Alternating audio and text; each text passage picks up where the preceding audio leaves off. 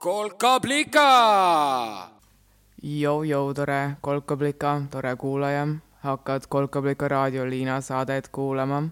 minu nimi on Liina, kutsun endki kolkablikaks ja olen täna, kolmekümnendal mail, kaljukindluse päeval siin, et tõmmata kokku kolmas hoog, kolmas kolkablika raadiohoog, et vastata sinu küsimustele ja ehk tuua ehk tulu ehk taipamist.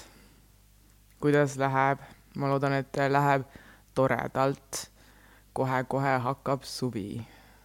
mul on olnud päris äh, huvitavad kaks nädalat. esiteks tuleb välja, et äh, ma vist ikkagi oskan network ida, luua suhteid või õigemini ma käisin peol ja siis rääkisin seal igast inimestega, igast asju suutsin rääkida, pärast olin nagu nii šokis sellest, kui palju asju ma suutsin rääkida inimestele, et no mitte üksnes nagu avatuse perspektiivist, vaid ka sellest, et kui palju erinevaid asju ma teen.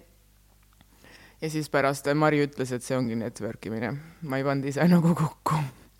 aga noh, seda Mari on mul alati aidanud ka mõista, kuidas käib see värk nimega inimsuhted peale selle on mul kaks uut tätokat ja ma just lõpetasin äh, oma must, musta pusa, musta pusa tikkimise. musta pusa, mis nüüd põhimõtteliselt on juba mitte isegi enam nagu second hand, vaid on äh, fifth hand, millest küll jah, kolm on olnud mu enda käed. sain ma selle Orikas, ta on kapuutsiga must äh, pusa ees on tasku, sain ma selle aastaid tagasi Orikana Norra kaltsus, mis tähendas, et see juba oli minu kätte jõudes second-hand taaskasutus.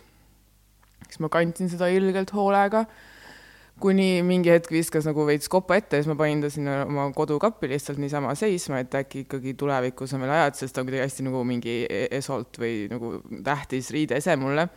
siis ta vahepeal juba jõudis Zürichisse kolida, see pusa ja sealt, äh, see on siis kolmas juba käsi, on ju, äh, siis sealt ma tõin ta uuesti koju jaanuaris enda kätte. Ja olen nüüd nagu ilusti kandnud seda ja nüüd ma äh, tikkisin sinna peale teksti, nii et on nagu põhimõtteliselt uuesti sündinud, nii et see on siis viies käsi. kirjutasin ma sinna peale, plaan oli kirjutada everything makes sense, mis on kõik mätsib inglise keeles et ma sain everything valmis, siis ma jõudis kohale, et make sense enam ei mahu, siis ma hakkasin minema, et mätsib ja noh, paneme poole pealt eesti keele peale, on ju, äh, siis ma jõudsin ilusti teha, et everything mats äh, ja siis enam nagu ei mahtunud need i ja b, nii et nüüd ongi seal kirjas everything mats. Everything mats, siis ma tegin veel lõppu oma OÜ logo, mis on O, mille sees on Ü. sihuke lugu ja matslus võib-olla on nagu tore asi, millest võib-olla alustada, sest ma olen väga äh, vist hoolega seda sõna hoog kasutanud ja mul on tekkinud uus teooria, mis sa arvad sellest? ma olen nimelt mõelnud, ma ei tea, kuidagi on mulle kukaldesse tulnud see küsimus äh, Eesti ajaloost ja küüditamistest ja nii edasi ja nagu minul erinevalt siis väga paljudest mu näiteks äh, keskkoolikaaslastest, äh, mul ei ole peres mitte ühtki küüditamislugu. siis ma olen mõelnud, et äkki see nagu ongi see, mis teeb ka nagu äh, tekitab mul seda matsitunnet. mis sa arvad, kas matslus ja mitteküüditamine võib olla kuidagi seotud omavahel? sihuke alguse küsimus. aga jah, tegelikult täna on ju põhi äh,, põhihoog, põhihoovõtt läheb mul hoopis sinu küsimuste vastamisele. Neid mul tuli kokku kaheksa, millele ma vastan mõtlen, kas peaks kuidagi neid nagu eristama, ma ilmselt panen pärast äh, alla SoundCloudis vähemalt nagu kommidena kirja, et kust maalt mingi küss hakkab. aga muidu võib teha lihtsalt ju nagu dramaatilise numbri lugemise. üks. Thanks kõigi matemaatika-mõtete kohta ka, enne kui alustame. nii, esimene küsimus tuli sihuke. mis on olnud trikster või muu lüliti erinevate probleemide avastamisel, et neid saaks hakata lahendama või siis muutma selliseks, nagu mulle rohkem meeldiks. kas on tegu rohkem olnud taipamiste või avastustega, mis nad on, ja kas neil on ühine joon või on kõigil oma teema. mul kohe tärkasid mitmed mõtteseemned seda küsimust lugedes, põhimõtteliselt ma saan aru, on siin küsimus siis selle kohta, et äh, kuidas nagu leida mingeid asju enda kohta, mid-, äh, mida siis võiks muuta. kuidas nagu teha silmi lahti ja vaadata otsa vist äh, iseendale. et siis äh, miskit selle iseendaga nagu pihta hakata, loodetavasti kuhugi nagu paremuse suunas. või nagu mulle viimasel ajal meeldib äh, mõelda, et äh, kuidas saada rohkem parajaks ja mul on nagu mitmeid taktikaid olnud, aga võib-olla kõige alguseks võibki kohe öelda, et tegelikult neil on, ma, ma arvan, mingit sorti nagu üks äh, teema või deviis või kannustav mõte taga, mis neid koos hoiab ja see vist on niisugune nagu kombinatsioon minu mingisugusest ihast äh, vabaduse järele. Ja noh, vabadus on ka väga niisugune oh, niisugune nagu kontseptsioon, millel on kohati nagu raske küüsi taha saada, aga äh, mul seostub ta nagu mingisuguse kerge olemisega, teen, mis tahan, olen nagu tahan, kõik on tore mingi, no see, see on ilmselge, et mul on nagu positiivne ähm, tunne selle vabaduse taga ja, ja teiseks äh, osaks selles kombinatsioonis on vist äh, mingi hetk märgatud äh, olukord, kus ma nagu vahel jään iseendale äh, ette selle vabaduse saavutamisel. noh, kas olen näiteks liiga arg või jah, no üldiselt kas olen liiga arg või ka noh, liiga kuri või noh, siin on nagu, see on nüüd võib-olla siis üks viis, kuidas neid leida, on äh, otsida, kust äh,, kuidas ma ise võin nagu ette jääda oma millele iganes ma tahan saavutada, vabadusele siis näiteks. kuigi ma ei, nagu ei tea, kui äh, palju ma ise olen nagu nii konkreetselt just nagu otsinud neid probleeme, ma tavaliselt alati nagu kuskil, kuskil on mingi asi, mis häirib ja kui mind miski asi häirib, need kummitused on ju, siis kummitus üldiselt tahab äh, lahendamist, ehk nagu kui mul mingid asjad tulevad nagu kummitusena kummitama, siis äh, see on jälle järjekordne koht, kust ma äh, noh, suure tõenäosusega jälle midagi leian või avastan või taipan. peale selle mul on praegu tunne, et ma olen, kuna Mari ükskord keelas mul öelda, et minu suurim probleem on, sest ma olevat neid iga nädal öelnud uue probleemi. mul vist tuleb see probleemide leidmine suht nagu loomulikult välja. aga võib-olla see tuleb ka just sellepärast loomulikult välja, et mul on alati äh, igatsused, ma panin tähele või taipasin ja seda ma nagu taipasin no panin nagu juhtmed kokku, panin kõik mätsima, nagu jooksis äh, arusaamine kokku erinevatest tükkidest. et minul tavaliselt, äh, kui ma olen nagu kuidagi oma sõiduvees või, mul on äh, igatsused tulevikus. et kui mina midagi igatsen, siis see igatsus ei ole tavaliselt nagu tagasi igatsemine, see on pigem noh, ma igatsen nagu midagi juurde või see on nagu, nagu tuleviku suunas minu igatsused ja siis, kui neid igatsusi nagu natuke täpsemalt uurida, et mida ma siis nagu tõesti tahan, siis sealt nagu väga ruttu tekib ka selle, see võrdlus hetkemomendiga, mis nagu võib-olla hetkel veel ei ole sellest igatsusest olemas või mida saaks tekitada, eks see on ka võib-olla mingid kohad, kus nagu leida neid äh, muutuse allikaid, üldiselt ma ei ole väga niisugune, mulle ei, mulle ei meeldi väga käia minevikus äh, torkimas. Enam. Vahel ma ikka nagu pistan sinna pea sisse, aga minevikku jah, ma ei äh,, ma arvan, et saab ka nagu väga edukalt muutuda, nii et sul on tegelikult vaade pigem tulevikus ja muutud nagu hetkest tuleviku suunas, mitte ei, üksnes ei mõtesta ümber oma minevikku. et hetkes kuidagi nagu kergem olla oleks. kuigi noh, ilmselt see on ka vajalik.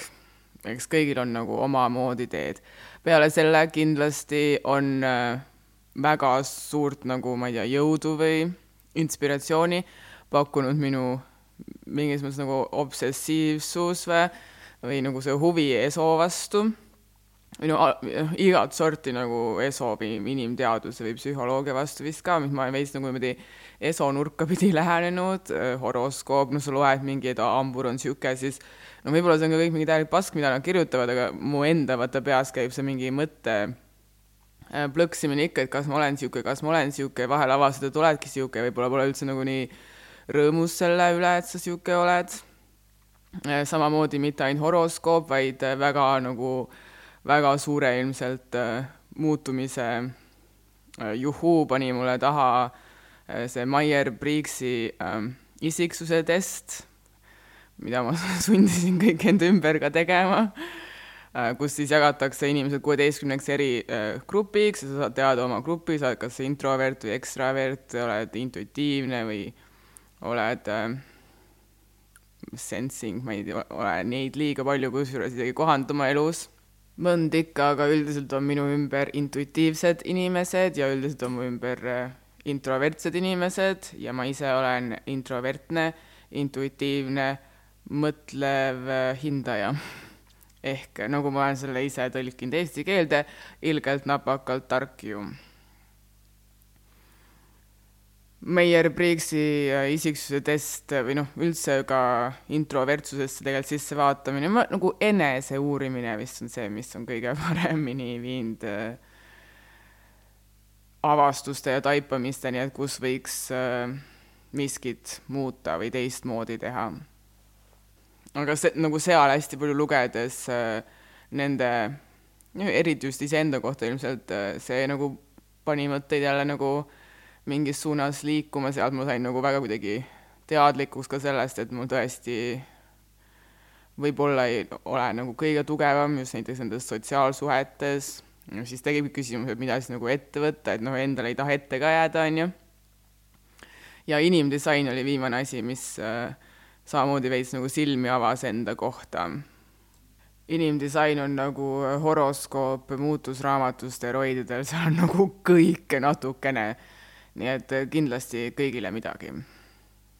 ja noh, sarnaselt töötavad ka tarokaardid ja mu lemmikraamat, muutuste raamat, iseenesest. saab nagu mingeid äh, kummitajaid äh, nagu pingpongi mängida selle muutuste raamatuga ja niimoodi veits asju avastada või taibata või tähele panna. noh, üldiselt ma arvan, et see mingi tingimus heaks muutuseks on see, et äh, iseendale oled äh, huvitav, iseendast hoolid ja iseendale tahad äh, head, iseennast uurid, küll siis see muutus ka tuleb ja tunned rõõmu sellest, et iseendale mingit nagu kergust pakud, lood, sest noh, muutus ju lõppkokkuvõttes vist siis on lihtsalt ju see, et sa hakkad nagu veits teistmoodi olema igast erinevatel tasanditel. hakkad asju veits teistmoodi tegema kui varasemalt harjunud. muutus on kõva, ütleb nüüd minu äh, selg minu vasakus käekirjas, on üks mu uutest tatokatest ehk võib-olla ka nagu hea algusküsimus olekski, et äh, kuidas olla teistmoodi või kuidas võiks olla teistmoodi, kuidas saaks olla teistmoodi. vot, ma loodan, et siit tuli mingi tore vastus äkki tuli mingit inspiratsiooni. aitäh küsimuse eest, väga põnev oli. Liigun järgmise küsimuse juurde. kaks. mida arvan eurolugudest? milline meeldis ja milline mitte kuidas on võimalik, et minusugune rebelkunstniku hing sellist popi kuulab? ma kord ülikoolis kuulsin niisugust lauset, et inimese maitse on pärit samast kohast, kust on pärit tema ise ja ma arvan, et Eurovisiooni puhul vastab see minu puhul tõele. Eurovisioon pakub mulle rõõmu juba aastast kaks tuhat Ines, Ines on mu nagu esimene selge mälestus ja esimene fännlus ja ma mäletan nii selgelt, kuidas me vaatasime, kuidas ta seal Kopenhaagenis, kurat, ta oli vist Rootsis, Rootsis äh, võistles ja nagu edasi-tagasi või nagu mitte alati nagu mingi, ma ei ole mingi tohutu eurofänn, aga ma olen ikka alates sellest suht nagu alati no mingis, mingil määral jälginud, mis toimub Eurokal. ja see on lihtsalt, ma ei tea, lõbus, see on nagu minu, meie nagu traditsioon vist. see on see, kus ma konservatiivne olen minu konservatiivne traditsioon on Eurovisioon, selle vaatamine ja noh, kui tegelikult nagu mingi põhjalikumalt mõeldes, ma arvan, et Eurovisioon oli üks mu nagu esimesi teadvele tulekuid sellest, et on olemas maailm ja teised riigid ja ja on veits teist nägu rahvad ja erinevad kultuurid ja et seal räägitakse teisi keeli ja sest noh, toona see oligi vist ka suht täpselt Inesega, kui nad võtsid ära selle reegli, on ju, et ei, et võib äh, teha ükskõik mis keeles lugusid, aga enne nad olid ju kõik ka omades keeltes, on ju. et on nagu niisugune jah, nagu kultuuripidu olnud, kus äh, saab niisugust kiiret ülevaadet, et äh, mis värk toimumas on. Euroopa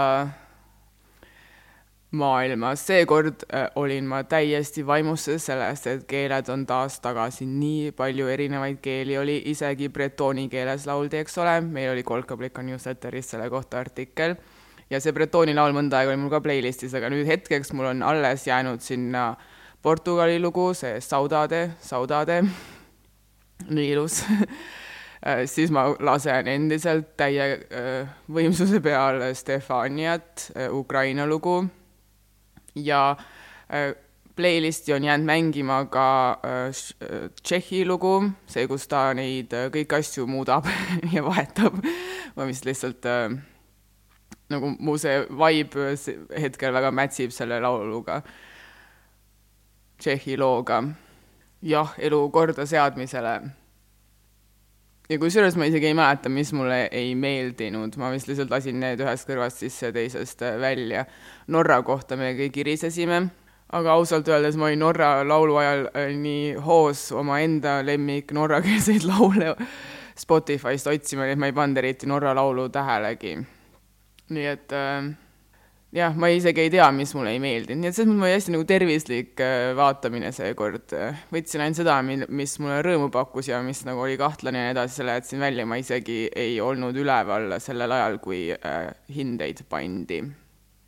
ja üks asi, mis ma olen veel mõelnud äh, nüüd viimastel nädalatel, juba tegelikult nagu isegi pikka aega Eurovisiooni osas, on see, et noh, ja eks siin ikkagi tuleb, miks ta mulle meeldib, siin tuleb mängu see, et ma olen maakas, meil ei, ma ei ole üles kasvanud ajal, kus ma ei tea, internetis olid mingid kõik äh, Ameerika räpparid kohe kättesaadavad, on ju, mul internetis ei olnud suurt mitte midagi kättesaadav veel, ehk äh, Eurovisioon oli üks niisugune viis näha nagu, mis maailmas toimub. Ja noh, mu kõige ilmselt, ma arvan, et ma peaks panema number üks kohale läbi aegade minu kõige äh, lemmikum eurolaul siis oli ikkagi Norra ja Big Vam aastal kaks tuhat, äh, kurat, ma ei mäletagi nüüd, viis või, neli, kaks tuhat viis või neli ja ma olen mõelnud selle peale hästi palju sellepärast, et äh, äh, Big Vam läks lavale, see oli aasta pärast seda, kui Ruslana võitis, läks lavale Kiievis ja nad panid äh, oranži salli omale äh, mikrofoni külge, ise olid mingisugused glam rock riietes, on ju ja see on nagu, ma arvan tõesti, et see on üks mu nagu e-, esimesi mälestusi sellest, kuidas äh, nagu show või meelelahutuse keskel saab äh, olla poliitiline, mis noh, kui hakata mõtlema selle peale, et mida ma siis pärast kõik oma elus olen nagu tegema hakanud või kuhu ma sattunud olen või kuidas ma ka kunsti olen jõudnud. Ja see kunst ka või see kunstiseltskond, kus ma nagu kõige tihedamini liikusin nad nagu veits mätsivad selles mõttes, sest äh, samamoodi väga poliitiliselt mõtestatud äh, kunstnikud on mul ümberringi olnud. et noh, isegi mingis mõttes nagu selle liini seeme on Eurovisioonis ja üldiselt mul on niisugune teema, et kui nagu mingi seeme kuskil on, siis ma nagu seemneid armastan. ma ei suuda nagu tunda häbi, kui miski on mulle nagu head teinud vist ja Eurovisioon on kindlalt mu meelt lahutanud juba aastaid, nii et äh, ma uhkusega naudin seda edasi. ükskõik kui problemaatiline see pole, noh, mingil määral see problemaatilisus äh, on ka see, mis selle puhul meeli köidab. aitäh küsimuse eest. kolm. mina ei näe unenägusid või noh, näen, aga hommikul ei mäleta. kuidas sina, Liina, suhtud unenägudesse? ESO inimesed peavad neid tähtsaks. miks mina ei näe? mida mina arvan unenägudest? esiteks aitäh küsimuse eest, ma olen nii kaua tahtnud sellel teemal rääkida, aga mingil põhjusel olen ma alati kuidagi ikkagi keelt suu äh,, suus hoidnud. nii et võib-olla siin on ka järjekordne mingi eneseavastuslik äh, mõte sees kuskil peidus, sest minu esimene väide oleks, et mulle ei meeldi unenäod. mina ei ole unenägude fänn selles ESO nagu maailma vaatevinklist, sellest ma saan aru, noh, juba isegi ju see Freudi onu oli väga huvitatud unenägudest ja äh, Freud põhimõtteliselt, ma saan aru, miks ta nii nagu oluline on, see on, on see, et Freud mõtles välja alateadvuse või noh, ma ei tea, avastas alateadvuse või pani nime sellele asjale, mis on alateadvus, ehk alateadvus nagu suhtleb siis une kaudu sinuga. Ja noh, ma olen alati pihta saanud, mul ei ole need nagu kunagi väga meeldinud, sest ma vist äh, eelistan, kui mu alateadvus äh, ei lobise öösel. Äh, kui ma unenägusid näen, ma näen, nagu alati saan aru, mis jamad nad mulle unenäkku on toonud. Ja ma eelistan vist olukorda, kus need äh, jamad saavad lahendatud äh, silmad lahti. see vist on põhjus, miks mulle üldiselt ei meeldi unenäod või nagu ma ei, ei saa otseselt öelda, et ei meeldi, vaid nagu ma kindlasti ei oota unenägusid, ma kindlasti ei mõtle neid üle, ma lihtsalt saan hakkama nendega, nii et ausalt öeldes äh, mitte unenägude nägemine kõlab mulle veits nagu aa, sul on äh, äh, alateadvusega head suhted. Alateadvus ei näe vajadust äh, su teadvusele teada anda, et mingid teemad on lahendamata näiteks, noh, ilmselt unenägu näed ikka, siis ta lihtsalt protsessib ruttu ise ära, aga sul pole vaja vaata meelde jätta, on ju. ma arvan, et see igatahes ei ole nagu probleem, sest B, ma olen veits kade. ma nägin viimati unes, nagu mis meelde jäi, seda, et äh, mina ja Mari olime kuskil mingis äh, telklaagris umbes või nagu mingis kämpingmajas ja siis oli öö ja me magasime naris ja siis tuli mingi mees sisse ja lasi meile mõlemale kuulid pähe. ja siis äh, ma ei ärganud üles, vaid siis ma olin surnud edasi unenäos. ei olnud kõige toredam. nii et ära muretse, ma olen kade neli kord ütlesin, et mulle meeldib vesi ja mul oli sellele väga ilus tähendus, ma seostasin seda tunnetega ja mul on terve saade selles, sellest. paar saadet tagasi, nimi ongi Mulle meeldib vesi. küsimus on, et küsijale meeldivad kivid, mis võiks olla kivi mõtestatud tähendus. minu esimene seos läks kohe Taro raamatusse, sest Taro raamatust ma veits selle tunded ja vee teemaga võtsin üles, sest noh, karikad sümboliseerivad äh, vett ja tundeid, kivi, ma arvan, on siis väga maine värk. ja noh, ma arvan, et selle tegelikult oleks võinud leida ka, äh, selle seose oleks võinud leida, kus sa oled, lähed nagu õue, sest noh, kivi on väga maine värk. Ma alustaks jah sealt, ma arvan, et ta on nagu ta on tükike maad, ta on nagu, ta seostub mul maaga. mis Taros seostub maaga, on materiaalsus, raha, viljakus, kõik mainevärk. kivide puhul on veel huvitav ju see, et nad on vist mingid väga-väga vanad, kunagi elus olnud äh, asjad, on ju et võib-olla ta ka veits nagu sümboliseerib, et on nagu vesi teeb iseenesekeskselt seda, et nagu äh, noh, meri võtab, taevas võtab merest ja annab tagasi merele ja maale, on ju.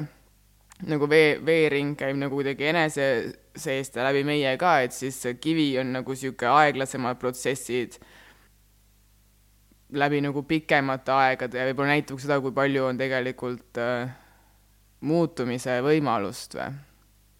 noh, et mingist dinosaurusest saab lõpuks lihtsalt kivitükk su aknalaua peal. päris ilus ju kuidagi niisugune aeglane muutus või aeglane nautimine või aeglane vormumine seostub mul praegu kiviga.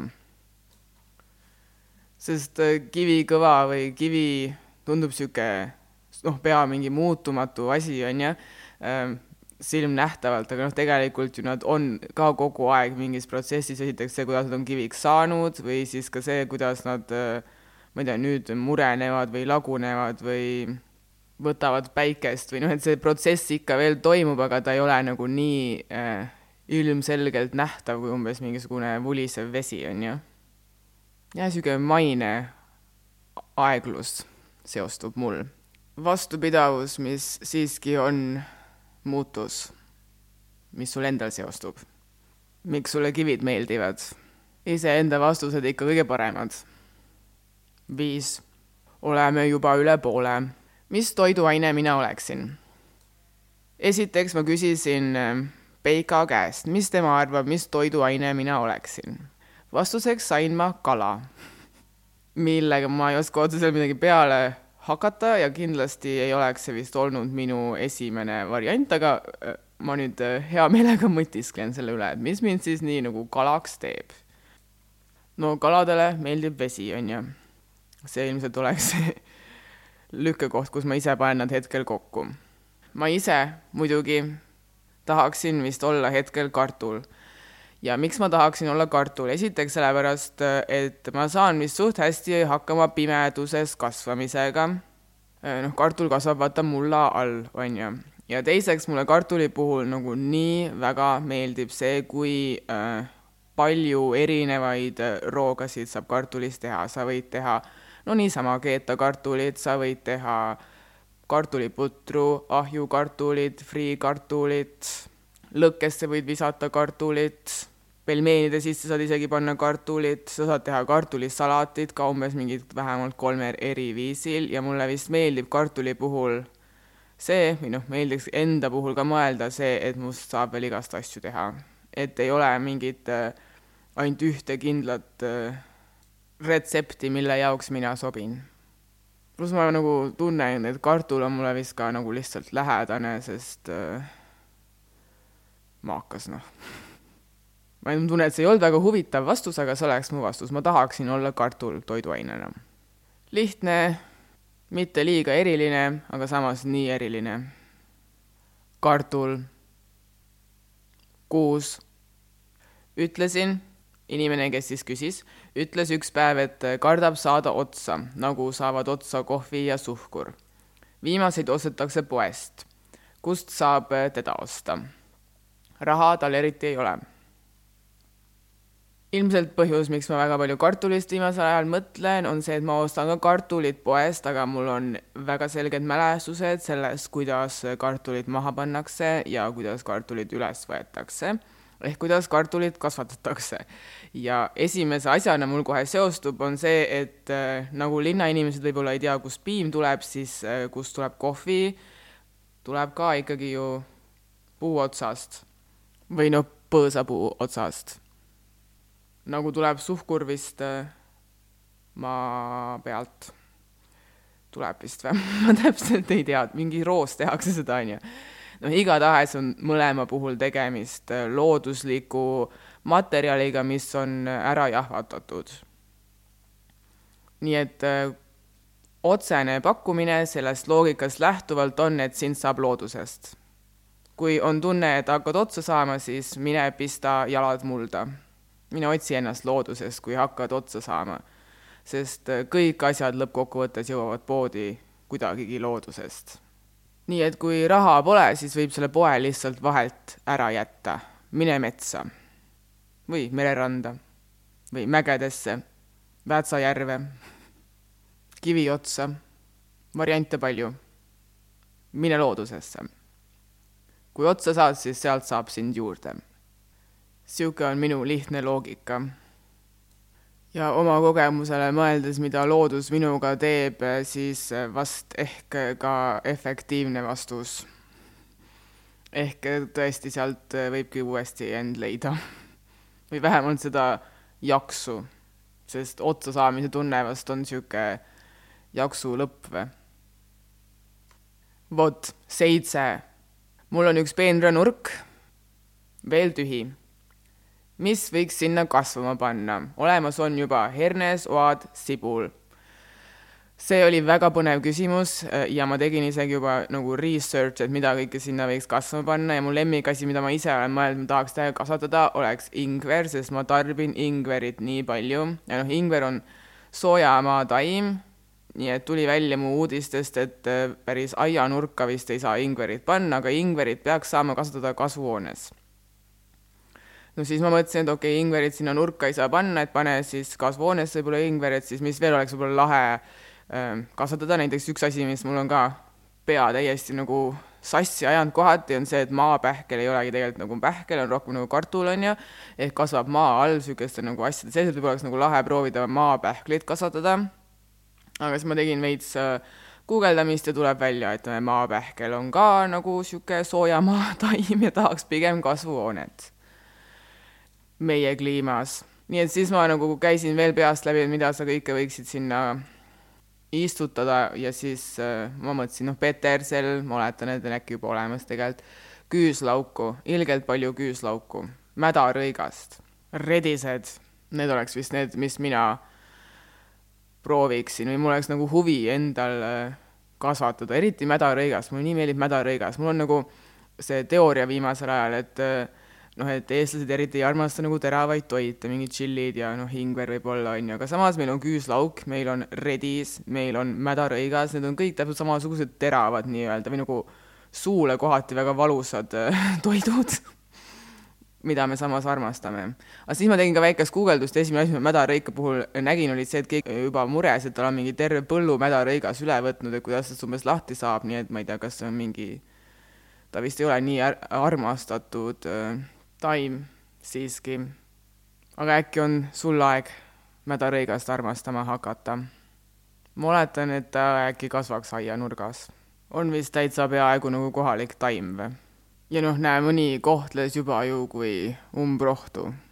ja umbrohu puhul on ju teema see, et umbe vohab, on ju.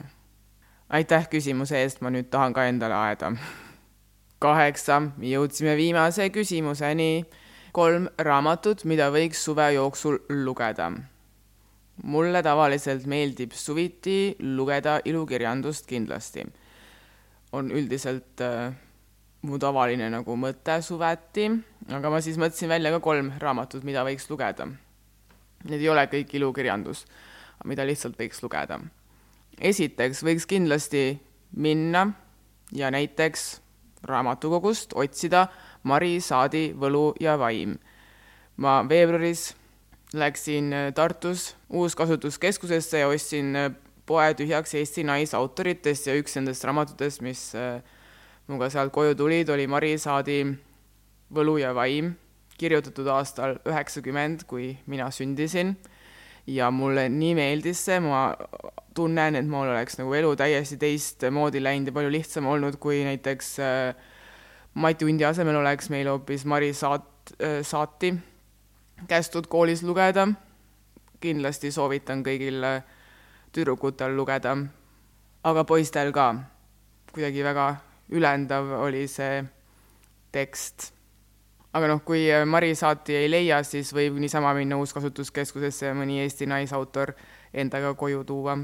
või võib-olla leiad isegi oma kodusest raamaturiiulist juba mõne see oleks esimene soovitus.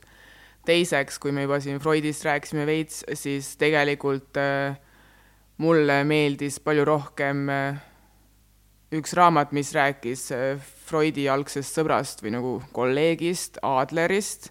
raamatu nimi on Julgus mitte meeldida, ta on veits niisugune no eneseabiraamat vist kohati või sealt nagu tsirklitest ja ringidest minuni ta esimest korda jõudis aga ma lugesin seda, ta on nagu kirjutatud niisuguse nagu poiss või nagu noor, noor õpilane ja filosoof vestlevad omavahel äh, ja üritavad leida mingit elutõde umbes, on ju, ja kõik need tõed, mis sealt läbi käiakse, need põhinevad Adleri äh, teooriatel, psühholoogia kohta siis või inimloomusest ja need mõtted kõik, mis sealt läbi käivad, ma kuidagi olen ise üles korjanud elus ja ma tunnen, see nagu, see raamat on niisugune kuidas mina näen elu ilus kokkuvõte, aga äh, ei ole minu autorluses kindlasti soovitan, ta on niisugune ülendav ka jälle. tõlgitud ka eesti keelde, julgus mitte meeldida. ja kolmandaks äh, ma mõtlesin, ma ütlen välja, et kui inglise keeles äh, lugemine ei hirmuta, siis Camilla Russo The Infinite Machine, lõputu masin või lõpmatu masin, see räägib eetri ja Ethereum blogi ahela algusloo, väga lihtsalt kirjutatud, kirjutatud loona, kuidas äh, suuruselt teine krüptoraha sündis, kuidas äh, üks üheksateistaastane Vene-Kanada poiss sellele alguse pani, raamatu suur osa sisust toimub Šveitsis ja selle käigus nagu see on nii ilusti ja lihtsalt äh, kirjutatud, et saab nagu väga hea ülevaate ka sellest, kuidas äh, krüpto on äh, olnud ja kuidas ta on jõudnud nagu siia, kus ta nüüd siis nagu täna on. ja veits nagu ka, et mis ta on. hea ülevaade, kui äh, tahad äh, krüpto ajalugu natuke tundma õppida. Peale selle Camilla Russo teeb ajakirja The Defiant, tal on ka podcast ja äh, talle järjekordne naine, paned tähele, jah? talle ma olen ilmselt väga palju võlgu kõige selle eest, mida mina tean tänaseks krüptost. naised on ikka lahedad. parimad eeskujud. vot, see on minu kolmas soovitus. Camilla Russo The Infinite Machine. mul on selle e-pupp, kui tahad, ma võin sulle saata marisaat on mul ka kodus äh, Väätsal olemas, äh, põhimõtteliselt võin ka seda laenata ja mul on olemas ka inglise keeles äh, julgus mitte meeldida, aga ma tean, et seda on ka ikkagi saada igal pool Eestis eesti keeles ka. Ise ma hakkasin just lugema raamatut Müümine, see on inimlik. ma kavatsen saada suvega müügikunniks ja eks ma ikka otsin mingisuguse ilukirjanduse ka välja, suvi on niisugune mõnna päikse käes lesimine, veits nagu pausi võtmine, tavaliselt mulle meeldib ka midagi uut lugeda. mingit, mingil teemal, mida varem pole uurinud. vot ja jõudsimegi viimase saate lõppu. No kuidas on siis hoog olnud? see hoog on tore olnud. Ma pole vist täiesti veel lõpetanud oma koristamist, millega ma siin terve hoo olen tegelenud, elu koristamist, just üks päev emme ütles, et äh, tõeline muutus tuleb siis, kui sa oled valmis koristama hakkama, kui sa oled valmis nagu loobuma millestki oma elus, asendama seda millegi teistsugusega, see tähendabki, et millestki tuleb nagu lahti öelda, on ju. ja nagu nii suuri muutusi nagu eelmine suvi ma sellelt suvelt ei oota. tahaks lihtsalt seekord pruuniks saada ükskõik mis äh, kuupäevaks. jah, ma ei teagi, äri panen püsti. see suvi ma panen äri püsti. sihuke on mu suveplaan. naasen taas sügisel. Naaseb taas sügisel ka Kolkablika newsletter ja meil on isegi mõtteid, et äkki tuleb Kolkablika telekas, Kolkablika tv ma praegu tahaks öelda, et mina tulen kolmandal oktoobril, aga aus olles siis ei ole ma seda oma tiimiliikmetega täiesti läbi rääkinud veel. aga see selleks, meid on mõtet vast siis jälgida, suvel me oleme suht vait oma sotsiaalmeediates, aga hoo tulekul me hakkame end taas meelde tuletama, nii et kui tahad kursis olla, et millal me siis taas sügisel tuleme, siis äh, mine viska mõni like ja subscribe ja follow ja telli newsletter www.kolkablika.ee. aitäh kuulamast ja kuuleme ehk siis taas neljanda hoo esimesel esmaspäeval, kolmandal oktoobril. okei okay,, teeme nii, see on kolmas oktoober. mõnusat suve